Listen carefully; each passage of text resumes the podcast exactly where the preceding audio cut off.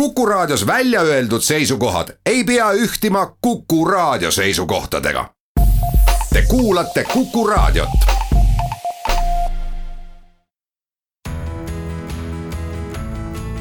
kuku Raadio nädala kommentaar.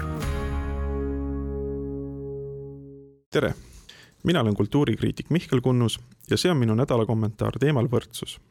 võrdsus on intuitiivselt nii lihtne ja ilmne asi, et suuremat seletamist ei vaja isegi väiksemat seletamist ei vaja. lõpmatult segaseks lähevad lood võrdsusega ainult siis, kui juttu tuleb inimeste võrdsusest. üks meie kultuuri baasväärtusi, usk, et kõik inimesed on võrdsed, toodab lakkamatult argiteoloogilisi arusaamatusi ja konfliktikesi. esiteks see kõige triviaalsem segadus, kus võrdsus samastatakse mingi reaalse omaduse võrdväärsusega olgu selleks midagi nii lihtsat nagu mass või pikkus või midagi nii kahtlast nagu loovus või IQ selge on igatahes see, et mingit võrdsust, võrdsusest pole siin juttugi. kõik, mis on mõõdetav, on ka erinev ja ebavõrdne. võib vist öelda, et keemia vaatlusalasse jääv on viimane mateeria organiseerumisaste, kus võrdsus ja identsus kokku langevad. teisisõnu, molekul on kõige keerukam süsteem, kus individuaalsus puudub. kui harvad isotoopidest tulenevad erinevused kõrvale jätta, siis ühe ja sama keemilise aine molekulid on täiesti identsed, eristamatud kohe, kui astume bioloogiasse, siis selline asi kaob. kahte täpselt ühesugust rakku pole olemas. inimeste võrdsuse idee on aga sellise eksisuuna eest hästi kaitstud, sest võrdsuse subjekt on määratletud eituste kaudu, apofaatiliselt, via negatiiva. inimesed olla võrdsed sõltumata nende reaalsetest omadustest, sõltumata soost, rassist, seksuaalsest orientatsioonist ja nii edasi möödunud pühade puhul võib siin tuua tsitaadi Toomas Manni Võlumäe jõulupeo kirjeldusest humanist Setembriini kõneles siin pisut puusepapojast ning inimeseõpetajast, kelle sünnipäeva pühitsemist täna teeseldi. kas too mees tõesti elas, olevat ebakindel. sündinud aga olevat toona üksikhinge väärtuse aade ühes ühetaolisuse aatega. ühesõnaga individualistlik demokraatia, mille võidukäik katkematult edasi tänapäevani käib. see on väga hästi öeldud. üksikhinge väärtuse aade ühes ühetaolisuse aatega jah, see pole loodusteaduslik avastus või tõsiasi, vaid just nimelt aade. samas käib katkematu jutt, et meie ühiskonnaelu korraldus peab olema teaduspõhine. aga mis on inimene, see võrdsuse subjekt, teaduslikus mõttes? juba Oswald Spengler kõmistas küünilise mõnuga, et inimkond on zooloogiline mõiste või tühipaljas sõnakõlks. püüame siis inimest määratleda teaduslikumalt. Ilmar Vene kirjutab essees Pahustumine, tsiteerin, vaatame siis, mis kujuneb tulemuseks, kui ammuste arusaamade asemel rakendada ajakohasemaid. kõigepealt ilmuks ülesanne asendada inimolemus teadusliku definitsiooniga ja seepärast küsime, kuidas määratleda inimest. sajandeid on seda tehtud, ilma et oleks jõutud rahuldava tulemuseni. ja juba ette võime olla kindlad iga järjekordse katse ebaõnnestumises.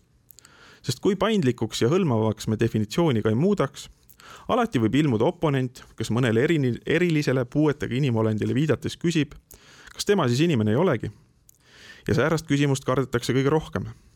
me ju teame, et niipea kui vihje inimestevahelisele erinevusele on langenud, jääb fašismini veel ainult kiviga visata. siin kohtume uusaja põhivastuoluga kogu ulatuses. inimsuse religioon seab end otsustavalt vastu loodusteaduslikule üldsuundumusele.